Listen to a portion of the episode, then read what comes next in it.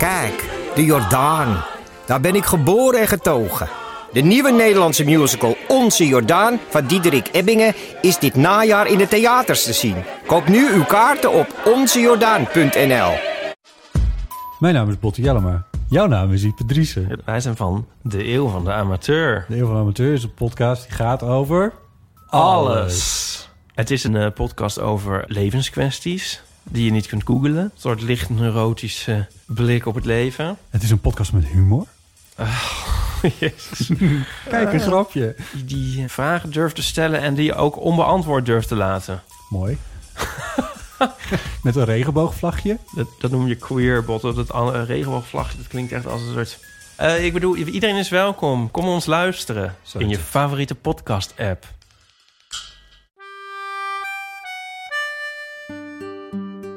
Dit is Man met de microfoon met echte en bijna echte verhalen. En mijn naam is Chris Baayema.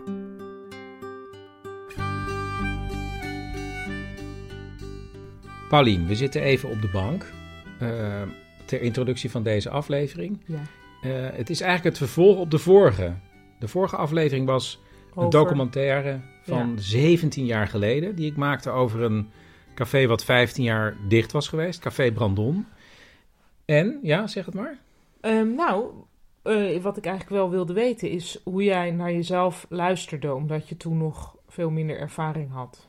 Ja, ik had wel redelijk wat ervaring, maar het viel, er viel me wel een paar dingen op. Ik praatte iets anders. Hoe dan? Veel meer met een soort R. ja. Op café. Brandon. En ik weet ook nog wel, als radiodocumentairemaker werd je geleerd eigenlijk dat het mooiste was als je jezelf een beetje wegknipte Mhm. uit de documentaire. Je hoort mij wel een paar keer, maar... Daar ben je later vanaf gestapt. Ja, ja. maar dus, ehm, dus eh, nou, je hoort mij minder. En ik, eh, ja, wat mij heel erg opvalt is de, de filmmuziek van de film Amélie. ja. En eh, die film kwam uit, heb ik nog even gecheckt, in 2001. En die documentaire kwam uit 2003. En toen was die filmmuziek al eigenlijk bijna niet meer oké om te gebruiken. Nou, die is nog heel lang door echt Jan en Ja. Alleman overal ondergepleurd. Tot en met 2015. Ja. Maar die kan je bijna niet meer aanhoren eigenlijk. Nee. En ik vond ook- dat die muziek veel te hard was. Ik had het Hmm. veel te hard erin gemixt. Maar ik vond het eigenlijk zelf een hele fijne documentaire om naar te luisteren. Wat ik, want wat ik heel goed qua keuze vond, is dat ik introduceerde mensen helemaal niet. Iedereen sprak gewoon over dat café, zonder dat ik zei... dit is Joop of dit is Ans. Nee, Ja. het ging gewoon puur over dat café. En je hoorde stemmen van de mensen die dat café bezochten. Ehm, ja, je moet dus eigenlijk even de vorige aflevering luisteren als je dat niet gedaan hebt. Even domme vraag, maar dat was toch ook gewoon met de computer? Ja, ja, ja. ja. Ja. Ja, ja, ja. Gewoon eigenlijk met het programma wat ik nu nog steeds heb, alleen is dat natuurlijk doorgeëvolueerd. Ja. Ehm, het leek me ook leuk om te kijken na 17 jaar hoe het met het café nu is.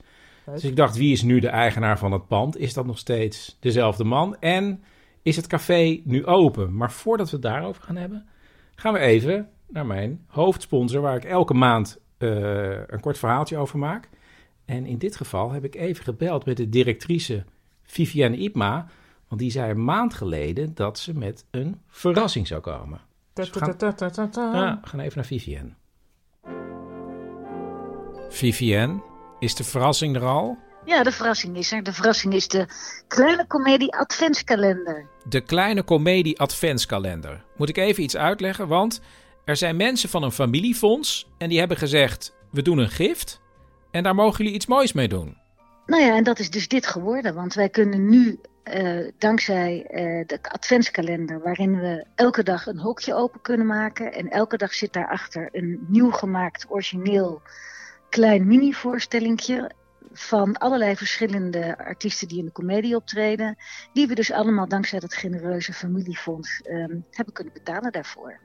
Het werkt als volgt. Je gaat naar dekleinecomedie.nl en daar zie je een adventskalender. En elke dag kun je vanaf 12 uur 's middags een nieuw hokje openmaken. En daarachter zitten optredens van artiesten in de kleine komedie. Die dus iets nieuws brengen. En het begon op 1 december met Brigitte Kaandorp en Theo Nijland. Ik moet één ding bij zeggen, het is nog niet helemaal af. Ja, maar dat zeg jij altijd als je opkomt. Oké. In de grote stille En het leuke is, de adventskalender is een groot succes. De eerste filmpjes zijn al duizenden keren bekeken. Al wil ik een persoonlijke kanttekening plaatsen. Maar weet je wat zo raar was? Eh, eh, Nou? We hebben dus zo'n app met school, hè? met de klasse-app. Het was heel leuk hoor, maar iemand ging dit delen met de klasse-app. Dat wij Ja. echt dachten, ja, maar daar is de klasse-app niet voor bedoeld. Maar dus Nee. mensen, zijn zo, mensen zijn zo enthousiast dat ze dit Ja. gewoon delen in de klasse-app. Ja, dat is ontzettend leuk om te horen. Dat kan ik ook aan die familie vertellen, dit verhaal. Goed, en jullie kunnen het dus weer aan je eigen familie vertellen thuis. Elke dag tot het einde van de maand een optreden van een artiest op dekleinecomedie.nl.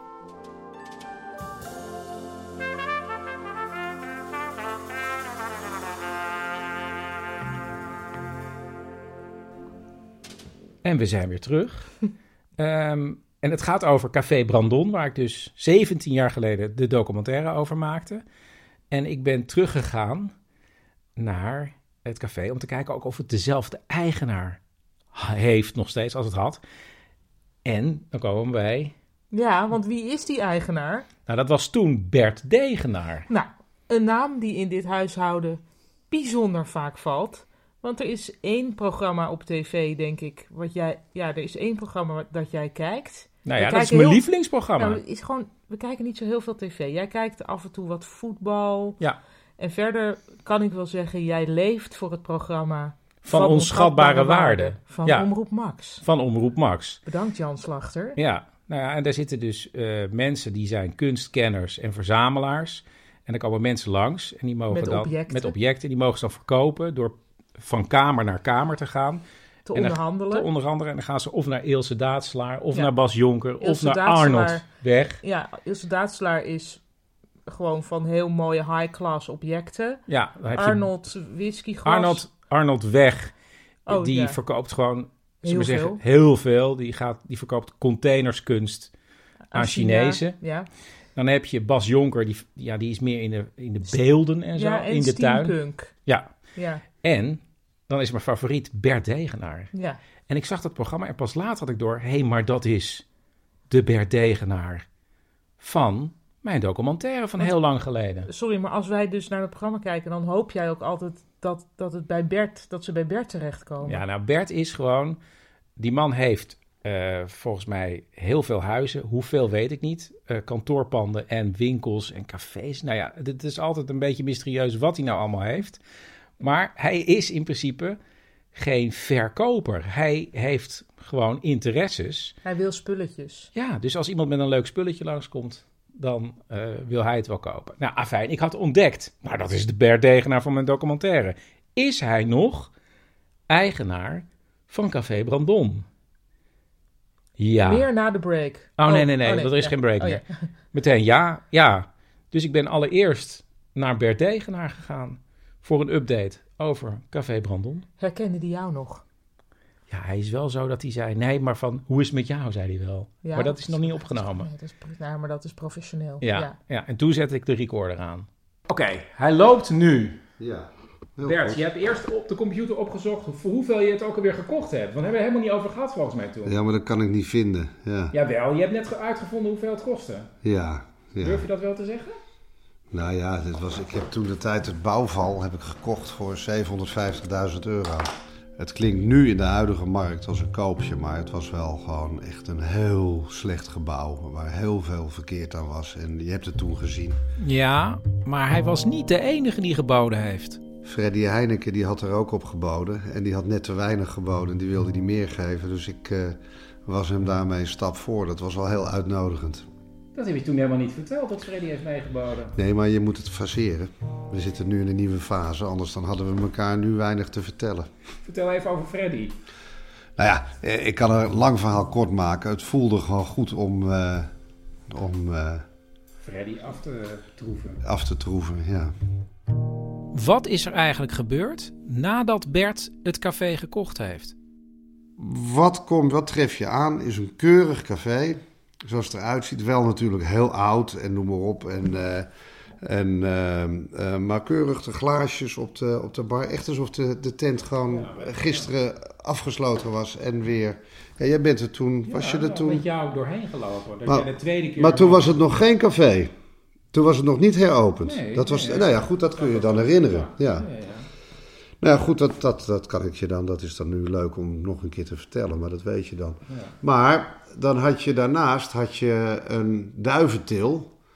Dat was een woning, daar was het glas was uit de, uit de dingen. De duiven zaten daar binnen. Dat was verhuurd aan mensen in Loosdrecht. En die betaalden nog wel de huur. Ik geloof eh 30, 40 gulden per maand of zo hadden ze een contractje.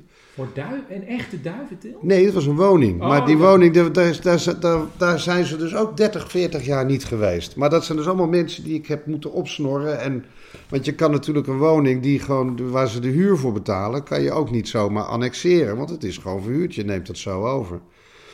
En dan zat er aan de andere kant, zat er boven, zat een meneer die betaalde 150 euro per jaar. Ja, je hoort het goed. 150 euro per jaar. Dat was de enige huurder, zei hij. Hij zei, ik ben vast je enige huurder die per jaar betaalt. Ja, dat klopt ook wel, ja. Maar Bert, wat doe je met iemand die maar 150 euro per jaar betaalt? Mensen die voor 150 euro per jaar een appartement huren, die willen er niet graag uit. Maar nou ja, nou, Die begrijpen ook wel. die begrijpen ook op een gegeven moment wel, als iemand het pand helemaal aan het opknappen is, dat je ook wel ergens in de weg zit en die moeten voor reden vatbaar zijn. Maar ik moet je zeggen dat ik die meneer van de, de bovenste verdieping, dat die heb wel een behoorlijk bedrag moeten betalen. Dus, eh, en ja, ik vind dat een beetje een, een chantage van ik heb het en ik ga niet weg, ik wil niet meer betalen en koop me maar uit. Maar ja, aan de andere kant, eh, ik heb er uiteindelijk natuurlijk gewoon een, eh, een, een, een, ja, een gebouw gewoon goed op zijn poten kunnen zetten daardoor. Dus dat is ook wel wat waard. Ik ben er niet flauw in. En wat is er eigenlijk met Laura gebeurd? Degene die ja, het café van geesten heeft ontdaan door middel van magische kruiden. Ik weet niet, Laura, waar ben je? Ja, Nee, maar die heb je Nee, Laura heeft gewoon- hij- gegeven en die is ja nou Laura die is gewoon op een gegeven moment vertrokken. Die heeft gewoon, eh, ja die gebruikte het niet meer als pied à terre. Die had een winkeltje niet echt meer en die woonde nog ergens anders. En ik denk dat ik Laura ook nog wel een eh, bedragje meegegeven, maar dat weet ik ook niet meer. Dus. Nou, ik denk dat hij het wel weet, maar misschien het bedragje niet wil delen. Maar goed, hij had dus toen in 2003 een café. Althans, dat dacht hij. Toen ik Brandon kocht, toen was er wel een bouwaanvraag om er weer café van te maken. Maar wat was er aan de hand? De bestemming was geen café meer, omdat het zo lang dicht was. De vergunning die was, bestond niet meer. Dus bestemming, bestemming en vergunning was allebei was weg. Dus het was eigenlijk een winkel, meer niet. Of een bedrijfsruimte. En het leuke, dat is ook wel een compliment voor Monumentenzorg, voor de mensen die er toen de tijd zaten. Ik heb toen Monumentenzorg opgebeld. Ik zeg, nou ja, we hebben hier een heel bijzonder café. Dat is gewoon, twintig jaar is dat gewoon gesloten geweest. Het is monumentaal, het is eh, een antiek café. Kom eens kijken, wat moeten we ermee? En toen heb ik ook Monumentenzorg voor de keuze gehouden. Of we maken er gewoon een klein Italiaans verbouwd koffiebarretje van met respect voor het monument. Of we houden het helemaal in deze staat en we laten dit zien als een antiek café. Nou, daar is helemaal geen discussie over geweest. Het enige was gewoon, nou, dien het maar snel in. En eh, we hadden binnen drie maanden hadden we de vergunningen rond. Ja, Brandon is natuurlijk gewoon, blijft geweldig. Ja. Weet je wat ik zo grappig vond? Ja. Dat, dat jij het nog steeds hebt na 17 jaar. Het is, eh, ik hou van Brandon. ja, Brandon is gewoon eh, is een van de leukste plekken voor mij in Amsterdam. Ga er graag naartoe. Ja, en ik ben ook weer naar Brandon geweest. En het ziet er nog steeds exact hetzelfde uit als toen ik er ooit met Bert voor het eerst doorheen liep. Alleen het biljart is verdwenen. En ik zie dat er nu grote boksen hangen. En dat er nu wel muziek te horen is. Dat was in Brandon niet zo. Ja, nu vanwege corona is het café dicht. Althans, er worden geen eh, klanten ontvangen waar iets aan geschonken wordt. Maar de deur staat wel open en er worden wat spullen verkocht. Eh, hele goede wijnen, er zijn wat halve brokanten, wat kleren. En eh, de barman, Peter de Vries, die is er ook gewoon elke dag. Wat wij belangrijk vinden en zo ook wat we nu doen. We, zijn nu een beetje een, eh, een, een pop- pop-up, eh, zo niet, pop-up store begonnen. Ehm, het gaat ons vooral om dat, ehm, dat mensen van ons blijven horen. Dat eh, Café Brandon is nog steeds eh, open. Misschien dan wel niet als café, maar blijft de naam onthouden. En ehm, de deur staat nog steeds open. Eh, we zijn er nog. Ja, en ze hebben in de afgelopen maanden nog van allerlei andere spullen verkocht. Ja, petjes, eh, eh, t-shirts, ehm, borrelboxen in de, in de eerste lockdown-periode. ehm, met eh, met eh, een sixpackje bier, een flesje wijn, borrelnootjes, gekkigheid. Een foto van het personeel, van wij zijn er ook nog, vergeet ons ook niet. Ja, dat soort zaken. Heeft hij eigenlijk ja, sinds corona begon ook nog ja, mooie momenten gekend in het café? vind ik lastig te zeggen. Ik vind het namelijk een hele, persoonlijk vind ik het een hele moeilijke tijd. Ik, heb, ehm, ik vind het zelf heel erg lastig. Dus mooie momenten. hmm. Vertel even waarom je het lastig vindt. Nou, omdat eh, ja, dit café is een, eh, een, ehm, een plek waar mensen elkaar eh, eh, ontmoeten. Ehm, ehm, en je merkt dat eh, ja, totaal anders. Ik bedoel, normaal staat de bar vol met mensen. Ehm, als je hier op vrijdagavond komt, is het hier één groot gekkenhuis. Nou, dat hebben we al meer dan een half jaar niet meer gezien. En toen het café even open mocht, waren er natuurlijk allemaal regels. En ik neem aan, ja, dan, dan ben je een soort scheidsrechter, toch? Inderdaad, je bent een politieagent. Ik zou nog inderdaad wat verder willen gaan dan scheidsrechter. Maar je bent echt een politieagent eh, op je werk. En daar ben ik niet voor opgeleid. Dus wat dat, heb je moeten doen als politieagent? na de eerste lockdown was het zo dat iedereen die binnen eh, was, dat die moest zitten. Nou, je krijgt al heel snel dat inderdaad na een biertje of... Mensen gaan toch naar elkaar toe. Ik bedoel, het is een hele, een hele normale reactie natuurlijk, dat je, eh, dat je elkaar opzoekt. En op het moment als je elkaar niet mag opzoeken, dan, dan moet je daar dus iets van zeggen. Of, Maar doe je dat dan? ja, dat doe ik wel, ja. Ja, dat is niet altijd wenselijk voor de ander. En dan ontstaat er een beetje wrevel. Kan. Heb je wel eens iemand eruit moeten sturen al? Nee. Nee. Nee, dat niet.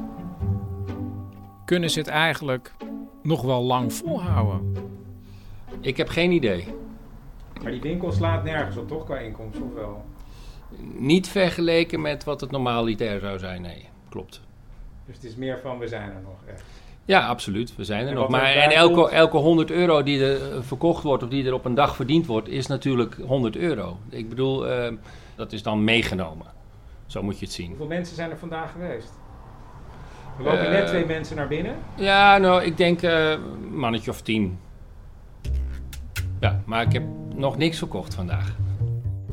We gaan weer even terug naar Bert Degenaar, de eigenaar van het pand. Zijn er mensen omgevallen in jouw panden? Jawel, jawel. hoeveel panden heb je? Hoeveel dingetjes heb je? Nou, dat weet ik niet. Dat, je weet het wel, maar je zegt het niet. Nou ja. Dat moet je zeggen dan. ja, dat, dat, zeg, dat, zeg, dat zeg ik niet.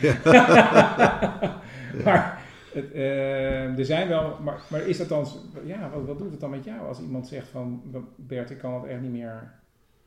Dan moet je, je moet ook streng zijn, toch? Ja, wat moet je streng zijn? Moet je dan zeggen, je moet betalen? Nee, ja, maar Je kan niet betalen, je moet- nee. goed. Ja. Nou, nee, je moet natuurlijk ten alle tijde moet je zoeken naar een oplossing met elkaar. En dat moet je doen. En weet je, je moet ook weer samen, na de crisis moet je ook weer verder. Dus je moet nu niet de klootzak zijn, als ik dat zo mag zeggen, die in de crisis op een hele strenge stoel zit en geen oog heeft voor wat er een ander overkomt, wat, waar die niks aan kan doen. Ik bedoel, dat is gewoon, eh, maar dat moet twee kanten uitgaan. Je moet het elkaar mogelijk maken. Kijk, als een horeca-ondernemer gewoon nul omzet heeft. Nul. Hè? Ik bedoel, ook gewoon met cadeaupakketjes en de, de dingen. gewoon geen omzet. Gewoon, het is in één keer een, een surrealistische situatie. Ja, daar moet je mee. Heb jij genoeg vet op de botten? Ik hoop het wel. Dat weet ik niet. Dat weet ik niet. Ik Ik ga er niet zielig over doen, maar we weten niet wanneer het afgelopen is. En je weet niet wat er gaat gebeuren. Heb je wakker gelegen? De eerste golf heb ik wel gewoon, die, dat was wel een verbijstering. Ja, daar heb ik wel wakker van gelegen. Toen dacht ik van ja, hoe moet dat nou? Wat gaat er nou gebeuren? En dan, nou ja, goed, dan eh, zie je het allemaal op je afkomen. En heb ik wel gedacht van ja, weet je, als het nou echt gewoon... In het begin zie je het ook vaak nog wel wat dramatischer als dat het uiteindelijk is. Hè? Want het valt over het algemeen ook nog wel mee. Want het zijn natuurlijk niet alleen maar gewoon horecaondernemers die verhuren. Hebben ook gewoon goede kantoren en dat soort dingen die doordraaien. Maar ehm, in de eerste golf was, eh, ja, dat, was wel even, dat is wel even binnengekomen. Bert, wat is er? Ik mis het café. Oh, Café Brandon. Nee, gewoon, ik mis het gaan naar een café. Hè, de gezelligheid, de gesprekken, de foute grappen. Maar die mogen, want een café is een safe space. Maar Bert, je bent helemaal geen caféganger, toch? Nee, nou, tot het begin van dit jaar niet. Nee, maar ik heb heel erg het idee dat ik na 12 maart ergens een stamgast had willen worden. Een stamgast. Ja, een stamgast, Chris. Hè, van een gezellig stamcafé. En dat was dan een tweede huiskamer voor me geworden. Oh, je ziet het al helemaal voor je.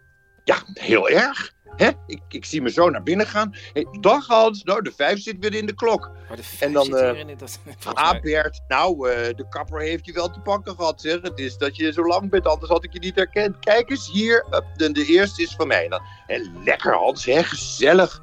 Ehm, zijn Marion en Arie er nog niet? Marion en Arie? Ja, dat zijn dan de nieuwe vrienden die ik niet gemaakt heb, Chris. Hè? Marion doet iets administratiefs in een kinderopvang. En nou ja, bij Arie is het eh, nu te laat om te vragen wat hij eigenlijk precies doet. Maar ik, ik denk iets in de IT of zo, een systeembeheerder. maar Bert, dit is allemaal eh, niet zo, toch, wat je nu zegt? Nee, Chris. Nee, door de corona zit ik nu dus iedere avond thuis. Net als voor corona. Ehm, ja, precies. Maar als je zo graag een stamgast in een café had willen zijn, dan had je die Ja. stap toch al lang voor corona kunnen nemen? Eh, ja, maar daar was ik toen dus nog niet aan toe. Hè? Maar nu wel, en dat is me dus door de corona ontnomen. Ah, net als het halen van je rijbewijs. Precies. Nou, dat is ook zoiets. Nou, dan heb ik heel goed nieuws, Bert. Want je kan gewoon rijlessen nemen. Is dat zo? Ja. En zal ik anders toch nog een keer dat nummer geven van Peter, die rijschoolhouder van Paulien? Ik, ik, eh, ik heb een wisselgesprek. Oh, nou, Ja. ja, die moet je dan maar even nemen, toch? Kan belangrijk zijn. Precies. Misschien is het Marion. Hè? Of Arie. Kan je meteen even vragen wat voor werk die eigenlijk precies doet? Bert?